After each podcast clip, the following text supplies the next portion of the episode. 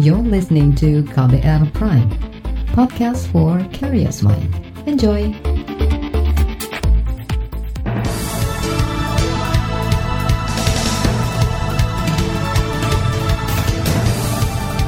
Selamat pagi saudara, senang sekali kami kembali menjumpai Anda pagi hari ini melalui program Buletin Pagi edisi Rabu 4 November 2020. Pagi hari ini sejumlah informasi telah kami siapkan untuk Anda. Di antaranya, berbagai kalangan temukan kekeliruan dalam Undang-Undang Cipta Kerja. Pembagian lahan lewat program perhutanan sosial belum capai target dan Pemprov Jawa Tengah temukan kasus positif COVID-19 di lokasi wisata. Bersama saya Reski Mesanto, inilah Buletin Pagi selengkapnya. Terbaru di Buletin Pagi. Saudara, sejumlah kalangan masyarakat menemukan ada beberapa kekeliruan dalam naskah Undang-Undang Cipta Kerja. Undang-Undang Cipta Kerja telah ditandatangani Presiden Joko Widodo pada Senin malam lalu dan diundangkan di lembar negara dengan nomor 11 tahun 2020. Kekeliruan itu antara lain kesalahan ketik maupun kesalahan pasal rujukan di kesalahan rujukan pasal 6 dan pasal 175. Anggota Badan Legislasi DPR dari fraksi PKS Buhori Yusuf menyebut, kekeliruan itu menunjukkan proses pembentukan undang-undang bermasalah dan cacat secara prosedur. Ia juga menilai keputusan Presiden Joko Widodo menandatangani undang-undang yang banyak kekeliruan itu sebagai keputusan gegabah satu undang-undang waktu kita membahas dulu itu ada yang memerlukan waktu sekurang-kurangnya enam bulan, ada yang dua tahun, ada yang empat tahun, ada yang beberapa periode. Nah ini kemudian hanya dalam waktu empat bulan kita membahas, meramukan terhadap 83 undang-undang. Nah akhirnya ini salah satu bukti bahwa ketergesa-gesaan itu pasti akan ada hal yang tidak baik. Jangan dikira kemudian keseleonya di sini saja. Saya meyakini masih banyak pasal yang kemudian perlu dibenci kembali. Anggota Badan Legislasi DPR dari fraksi PKS Buhori Yusuf mengatakan, saat ini fraksinya masih terus mencari kejanggalan dan kekeliruan serta pasal-pasal bermasalah dalam naskah Undang-Undang Cipta Kerja. Sementara itu, Saudara Kantor Sekretariat Negara mengklaim kekeliruan penulisan di Undang-Undang Cipta Kerja hanya masalah teknis administratif dan tidak mempengaruhi implementasi. Dalam keterangan tertulisnya kepada wartawan, Menteri Sekretaris Negara Pratikno mengatakan, Kesalahan teknis penulisan Undang-Undang Cipta Kerja akan menjadi catatan dan masukan bagi pemerintah. Menurut Pratikno, pemerintah akan menjadikan kesalahan itu bagi penjempurnaan kualitas rancangan undang-undang yang akan diundangkan. Pratikno berharap kejadian serupa tidak terulang lagi di masa depan. Sementara itu, saudara, bekas Ketua Mahkamah Konstitusi Jimli Asidik menyebut kesalahan ketik atau kekeliruan rujukan pasal dalam Undang-Undang Cipta Kerja bisa menjadi bahan bukti baru bagi masyarakat yang akan mengajukan permohonan gugatan uji materi ke Mahkamah Konstitusi. Menurut Jimli, salah ketik itu bisa menjadi bahan atau acuan bagi Majelis Hakim MK untuk mengabulkan peninjauan kembali undang-undang itu. Pokoknya kita percayakan pada MK dan itu objek perkara. Itu pasti sudah diajukan pengujian formal, pengujian material. Nah ini tambah bukti gitu loh. Ada tambahan bukti. Nah itu bisa ditambahkan untuk meyakinkan bahwa seperti yang dibilang oleh Pak Zainal Arifin Muhtar bahwa ini ugal-ugalan. Nah buktinya ini tambahnya lagi gitu. Meski begitu, bekas Hakim Konstitusi Jimli S. Sidik tak bersedia mengomentari lebih jauh mengenai kesalahan dalam Undang-Undang Cipta Kerja. Ia beralasan sebagai bekas Ketua Mahkamah Konstitusi, ia tidak boleh mempengaruhi proses hukum yang berlangsung di MK. Saudara pernyataan serupa juga dilontarkan pakar hukum tata negara Bivitri Susanti. Bivitri mengatakan temuan salah ketik atau kejanggalan rujukan dalam Undang-Undang Cipta Kerja bisa menjadi alasan kuat bagi Mahkamah Konstitusi atau MK untuk membatalkan undang-undang itu secara keseluruhan. Bivitri mengatakan kesalahan semacam itu merupakan kesalahan fatal, apalagi jika kesalahan ini tiba-tiba diperbaiki tanpa melalui proses legislasi yang benar. Namun adanya pasal-pasal yang ternyata masih salah ini tentu saja menjadi argumentasi yang lebih menguatkan lagi alasan kita untuk maju ke Mahkamah Konstitusi untuk menguji secara formil. Pakar Hukum Tata Negara Bivitri Susanti meminta Presiden Joko Widodo menerbitkan dasar baru berupa peraturan pemerintah pengganti undang-undang atau Perpu untuk mengkoreksi kesalahan-kesalahan dalam undang-undang itu agar ada kepastian hukum. Ia juga menyarankan DPR mengambil opsi melakukan uji legislasi untuk mengubah undang-undang tersebut sesuai proses legislasi di DPR. Sementara itu, saudara kalangan buruh melalui Konfederasi Serikat Pekerja Indonesia atau KSPI dan Konfederasi Serikat Pekerja Seluruh Indonesia atau KSPSI kemarin resmi mengajukan uji materi Undang-Undang Cipta Kerja ke Mahkamah Konstitusi. Pengurus KSPI KHRS Cahyono mengatakan, Gugatan menyasar pasal-pasal di undang-undang tersebut yang dianggap merugikan buruh. KSPI mengajukan gugatan ke Mahkamah Konstitusi terkait dengan Undang-Undang Cipta Kerja begitu ya, nomor 11 tahun 2020. Penggugatnya ada beberapa nama. Yang pertama adalah Said Iqbal sebagai Presiden KSPI begitu. Kemudian ada Ramidi selaku Sekjen, Sekretaris uh, Jenderal dari eh, KSPI. Kemudian ada beberapa nama dari eh, KSPSI-nya Pak Andi Gani begitu. Ketua Departemen Komunikasi dan Media KSPI Kahar S. Cahyono menjelaskan, pasal yang digugat adalah soal upah minimum buruh, tenaga kerja waktu tertentu atau outsourcing, pengurangan pesangon buruh, aturan waktu kerja serta cuti kerja yang terancam hilang, serta mudahnya tenaga kerja asing masuk ke Indonesia. Ia menyebut KSPI bakal terus mengawal proses persidangan di MK. Dia berharap gugatan ini dapat dimenangkan buruh sehingga Undang-Undang Cipta Kerja dibatalkan. Saudara Mabes Polri membantah isi dakwaan jaksa dalam kasus suap Joko Chandra yang menyeret perwira Polri. Informasinya akan kami hadirkan usai jeda. Tetaplah bersama kami di Buletin Pagi KBR. You're listening to KBR Pride, podcast for curious mind. Enjoy!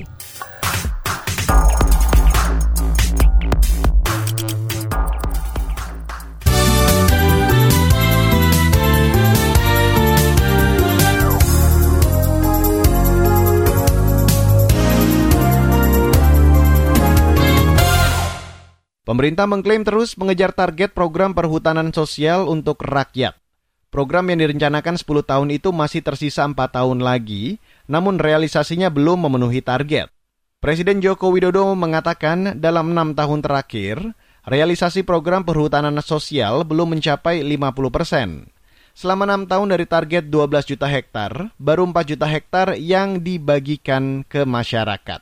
Yang pertama, dari target 12,7 juta hektar untuk capaian perhutanan sosial sampai 2024 eh, sampai tahun ini bulan September itu tercapai 4,2 juta hektar.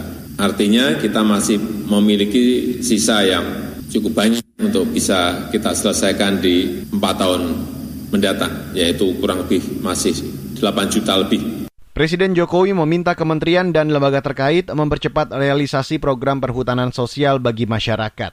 Ia meminta agar selama empat tahun ke depan, 8 juta hektar lahan perhutanan sosial bisa rampung dibagikan ke masyarakat. Saudara Wakil Presiden Maruf Amin mendorong Forum Kerukunan Umat Beragama atau FKUB agar dapat meningkatkan penyebarluasan moderasi beragama di kalangan umat. Maruf berharap upaya-upaya itu dapat mencegah konflik dan radikalisme beragama dalam kerangka kerukunan umat beragama. Saya mengharapkan para tokoh agama mampu menjadi jembatan strategis bagi umat untuk menggerakkan moderasi beragama ini, baik dalam keyakinan dan pemahaman keagamaan maupun tindakan konkret dalam melakukan pencegahan, mediasi, dan penyelesaian konflik antar umat beragama. Wapres Maruf Amin juga meminta tokoh agama menggunakan narasi-narasi kerukunan dalam mengkomunikasikan masing-masing ajaran agamanya dan bukan narasi konflik. Maruf Amin juga meminta para tokoh agama menempatkan posisinya sebagai modal sosial yang penting bagi bangsa untuk mewujudkan kerukunan umat beragama di Indonesia. Kita beralih ke informasi hukum, Saudara Markas Besar Kepolisian membantah Sebagian isi dakwaan dari jaksa penuntut umum saat membacakan dakwaan terhadap seorang jenderal polisi, Napoleon Bonaparte. Napoleon merupakan salah satu tersangka kasus suap dari Joko Chandra untuk menghapus status buronan di Interpol. Sebelumnya dalam persidangan kemarin, jaksa membacakan dakwaan. Jaksa menyebut Napoleon meminta tambahan suap dari Joko Chandra yang diduga untuk petingginya di Mabes Polri. Juru bicara Mabes Polri Awi Setyono mengatakan pernyataan seperti itu tidak muncul dalam pemeriksaan penyidikan di kepolisian. Apa yang disampaikan saudara tersangka NB di pengadilan kemarin itu sudah saya konfirmasi kepada penyidik tidak ada di dalam BAP. Jadi pengakuan yang bersangkutan di persidangan ya silakan. Itu kan fakta persidangan. Tapi fakta penyidikan tidak ada di dalam BAP. Bagaimana kelanjutannya tentunya nanti kita sama-sama lihat. Juru bicara Mabes Polri Awi Setyono mempertanyakan alasan pernyataan dari tersangka Napoleon itu baru diungkap di pengadilan. Ia juga menyayangkan sikap Napoleon yang tidak memberikan keterangan itu saat diperiksa polisi.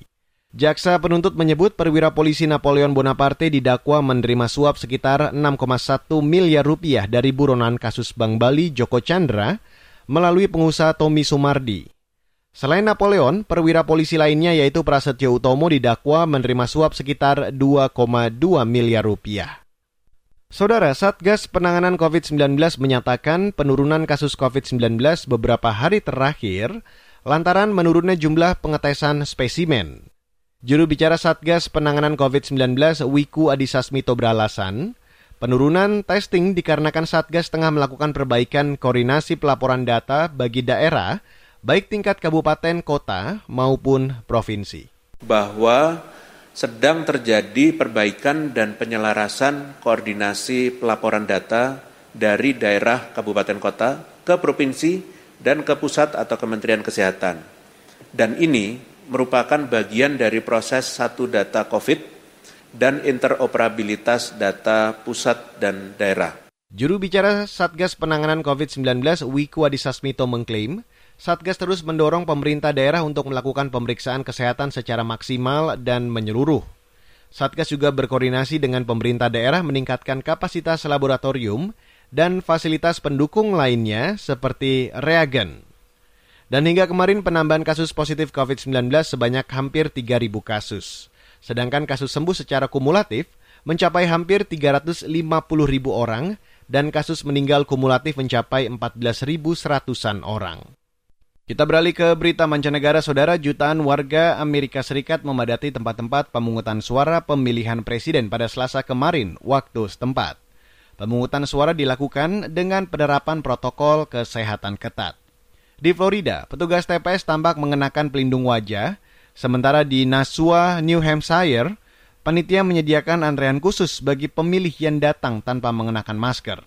Di Virginia dan Colorado, Panitia TPS melengkapi TPS dengan sekat pemisah antara pemilih dan petugas. Di samping itu, TPS secara rutin juga disemprotkan disinfektan. Mengutip AFP, pemungutan suara kali ini menjadi pertaruhan pemerintahan Donald Trump yang selama empat tahun terakhir dianggap gagal, termasuk salah satunya dalam menangani pandemi virus corona. Sejauh ini Biden diprediksi memiliki peluang besar untuk menang. Kita beralih ke berita olahraga, saudara. Pelatih sepak bola asal Argentina, Mauricio Pochettino, mengaku sudah siap kembali melatih di Liga Inggris setelah hampir setahun ia dipecat dari klub Tottenham Hotspur. Pochettino saat ini digencar diisukan bakal menggantikan Ole Gunnar Solskjaer di kursi pelatih kepala Manchester United. Solskjaer saat ini terus mendapatkan tekanan di Old Trafford dalam beberapa bulan terakhir. Tekanan muncul karena penampilan MU tidak memuaskan di Liga Inggris. Saat ini MU berada di urutan ke-15 klasmen sementara Liga Premier Inggris. Capaian tertinggi Pochettino adalah membawa Tottenham Hotspur ke final Liga Champions. Selain dengan MU, Pochettino juga dikaitkan dengan posisi pelatih di Real Madrid, Juventus, dan Paris Saint-Germain. Saudara, laporan khas KBR bertajuk Jernang Emas Rimba yang terancam punah bagian kedua akan kami hadirkan usai jeda. Tetaplah bersama kami di Buletin Pagi KBR. You're listening to KBR Pride, podcast for curious mind. Enjoy!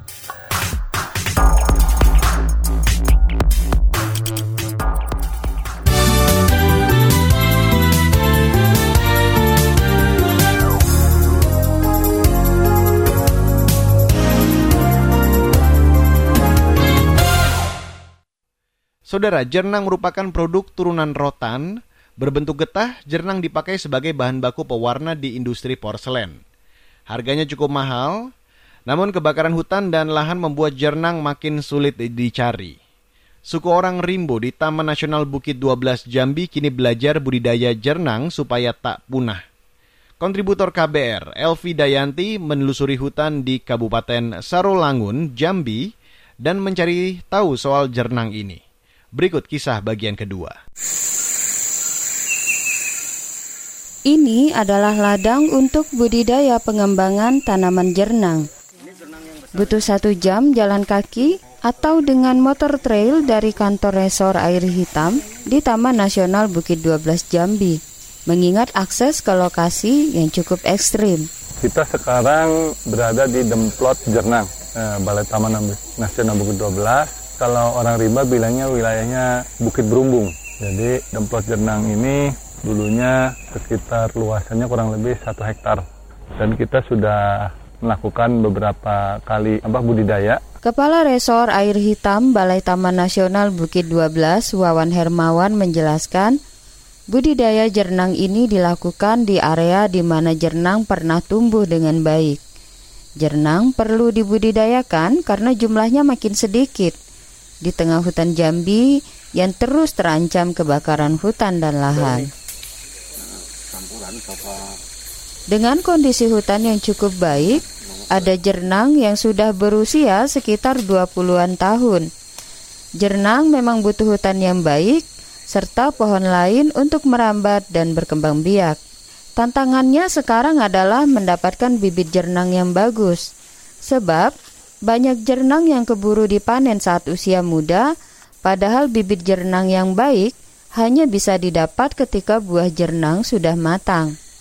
Erinaldi, dari Komunitas Konservasi Indonesia KKI Warsi. Kesulitan itu dalam proses pengembangan ini adalah karena jernang yang banyak getahnya itu adalah pada buah muda sehingga dipanen pada masa buah muda sehingga menyulitkan memang untuk mendapatkan buah masa untuk dijadikan benih dan bibit. Selain itu, proses pembibitan juga cukup lama. Nah, biasanya jernang itu secara alami dia akan tumbuh itu 6 sampai 8 bulan baru berkecambah. Nah, akhirnya dengan tiga tahun lamanya percobaan ditemukanlah caranya satu minggu sampai dua minggu sudah bisa berkecambah. Artinya kita Balai Taman Nasional Bukit 12 Jambi juga membuat demplot untuk jernang yang dikelola oleh suku orang rimba di bagian selatan Taman Nasional ini, kata Wawan Hermawan. Kemudian ada juga sih kita ngasih bantuan ke sukuan dalam Tumenggung Grip itu tapi itu e, untuk demplot komunal untuk mereka tepatnya di Sungai Sakoselensing di situ. Orang rimba bernama Sepinta sudah ikut pelatihan untuk pengembangan jernang. Kalau bantuan di luar ada seperti pelatih-pelatih. Kalau bantuan dari luar ada pelatihan-pelatihan dari Warsi. Dari balai ada pelatihan menanam jernang. Ada juga bantuan dari balai itu bibit jernang burung. Kalau jernang bonor seperti ini belum ada. Kalau yang baik itu, yang harus dikembangkan itu jernang bonor ini. Jernang yang paling baik dan mahal harganya. Paling mahal harganya. Biasanya, orang rimba menghasilkan 2 hingga 3 juta rupiah per kilogram jernang. Namun di demplot ini, mereka bisa mendapatkan jauh lebih besar. Di area satu hektar lahan ini, bisa ditanam 50 hingga 70 batang tanaman jernang plus tanaman lain sebagai rambatan sekaligus bisa menghasilkan seperti petai dan jengkol. Dari situ mereka bisa mendapatkan 75 juta rupiah sekali panen. Erinaldi dari KKI Warsi mengatakan budidaya jernang bisa menjadi alternatif pilihan yang lebih ramah lingkungan daripada menanam sawit untuk satu hektar yang dicampur dengan komoditi lain. Kalau dia berbuah setengahnya, artinya 25 kilo per musim, itu bisa didapat. Kalau dengan harga rata-rata biasanya itu 3 juta per kilogram, artinya mereka sudah mendapat sekitar 75 juta per musim. Sedangkan jernang dalam satu tahun minimal dua kali musim. Bagi orang rimba seperti Sepinta, keberadaan demplot membantu penghidupannya. Namun, ia berharap budidaya jernang berkelanjutan itu bisa dilakukan di lahan yang pernah terbakar. Sebab jernang bukan hanya soal ekonomi, tetapi juga bagian dari tradisi orang rimba menjaga lingkungan. Seharusnya menanamnya podok yang Seharusnya balai menanam di kawasan yang terbakar dulu. Pohon-pohon kan ada yang ditanam di lokasi kebakaran. Menurutku lebih bagus kalau menanam jernang di lokasi yang ditanami pohon-pohon itu. Jadi sekalian kan?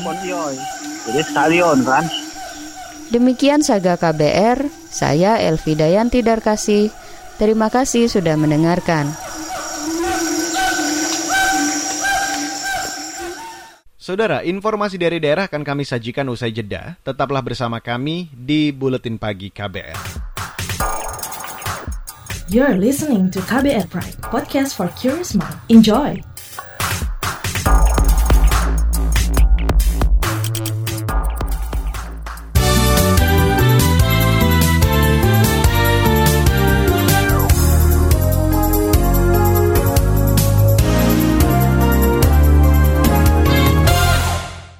Kita ke Jawa Tengah, Saudara. Pemerintah Provinsi Jawa Tengah mencatat sebanyak lebih dari 2.500 orang terjaring dalam tes acak dengan cara tes cepat selama libur panjang pekan lalu. Dari ribuan itu, sejumlah orang di antaranya positif COVID-19. Gubernur Jawa Tengah Ganjar Pranowo mengatakan, saat ini pemerintah terus melakukan pelacakan kontak terhadap wisatawan yang positif usai menjalani tes swab. Kami sudah menandatangani keputusan gubernur terkait dengan upah minimum provinsi dan sudah kita tetapkan upah minimum provinsi Jawa Tengah adalah satu juta tujuh ratus sembilan puluh delapan ribu sembilan ratus tujuh puluh sembilan koma dua belas dan upah minimum bagaimana dimaksud adalah upah minimum yang berlaku untuk seluruh kabupaten kota yang ada di Provinsi Jawa Tengah. Gubernur Jawa Tengah Ganjar Pranowo mengatakan, wisatawan yang positif COVID-19 terjaring di destinasi Candi Borobudur. Ia juga meminta kepada pengelola pariwisata untuk mengevaluasi dan memperketat protokol kesehatan saat menghadapi libur panjang. Dari informasi yang dihimpun KBR, total warga yang terjaring random test berupa rapid yakni 2.600-an orang dengan sebaran daerah wisata di 11 lokasi, di antaranya Dieng, Borobudur, Karimun Jawa, dan Karanganyar. Kita bergeser ke ibu kota, Polda Metro Jaya menangkap 10 tersangka pembegalan pesepeda yang terjadi di area DKI Jakarta. Kapolda Metro Jaya Nana Sujana mengatakan, penangkapan 10 tersangka itu merupakan hasil pengembangan dari 6 kasus selama 2 bulan terakhir. Saat ini masih ada 6 kasus lain yang pelakunya dalam pengajaran. Beberapa TKP lain ini sedang kami lakukan pengajaran, kami sudah melakukan profiling dan dalam waktu dekat insya Allah ya ada beberapa lagi yang dapat kami ungkap. Ini kami terus secara kontinu melakukan upaya-upaya pengungkapan. Di samping itu kami pun akan memaksimalkan upaya-upaya preventif, meminimalkan, mengurangi masyarakat para pesepeda yang menjadi korban begal tersebut. Kapolda Metro Jaya Nana Sujana menjelaskan pelaku pembegalan rata-rata merupakan pengangguran. Beberapa di antaranya masih di bawah umur. Ia mengimbau masyarakat untuk berhati-hati dan menghindari lokasi sepi saat bersepeda. Dan saudara, informasi tadi menutup buletin pagi hari ini edisi 4 November 2020. Pantau juga informasi terkini setiap jamnya melalui kabar baru, situs kbr.id, Twitter kami di account at berita KBR, serta untuk Anda yang tertinggal siaran pagi hari ini, silakan menyimak kembali di podcast kbrprime.id. Akhirnya saya, Reski Mesanto, mewakili tim redaksi yang bertugas pagi hari ini, kami undur diri. Salam.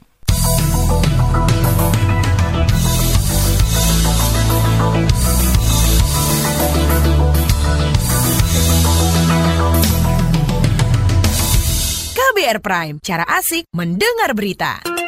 KBR Prime, podcast for curious mind.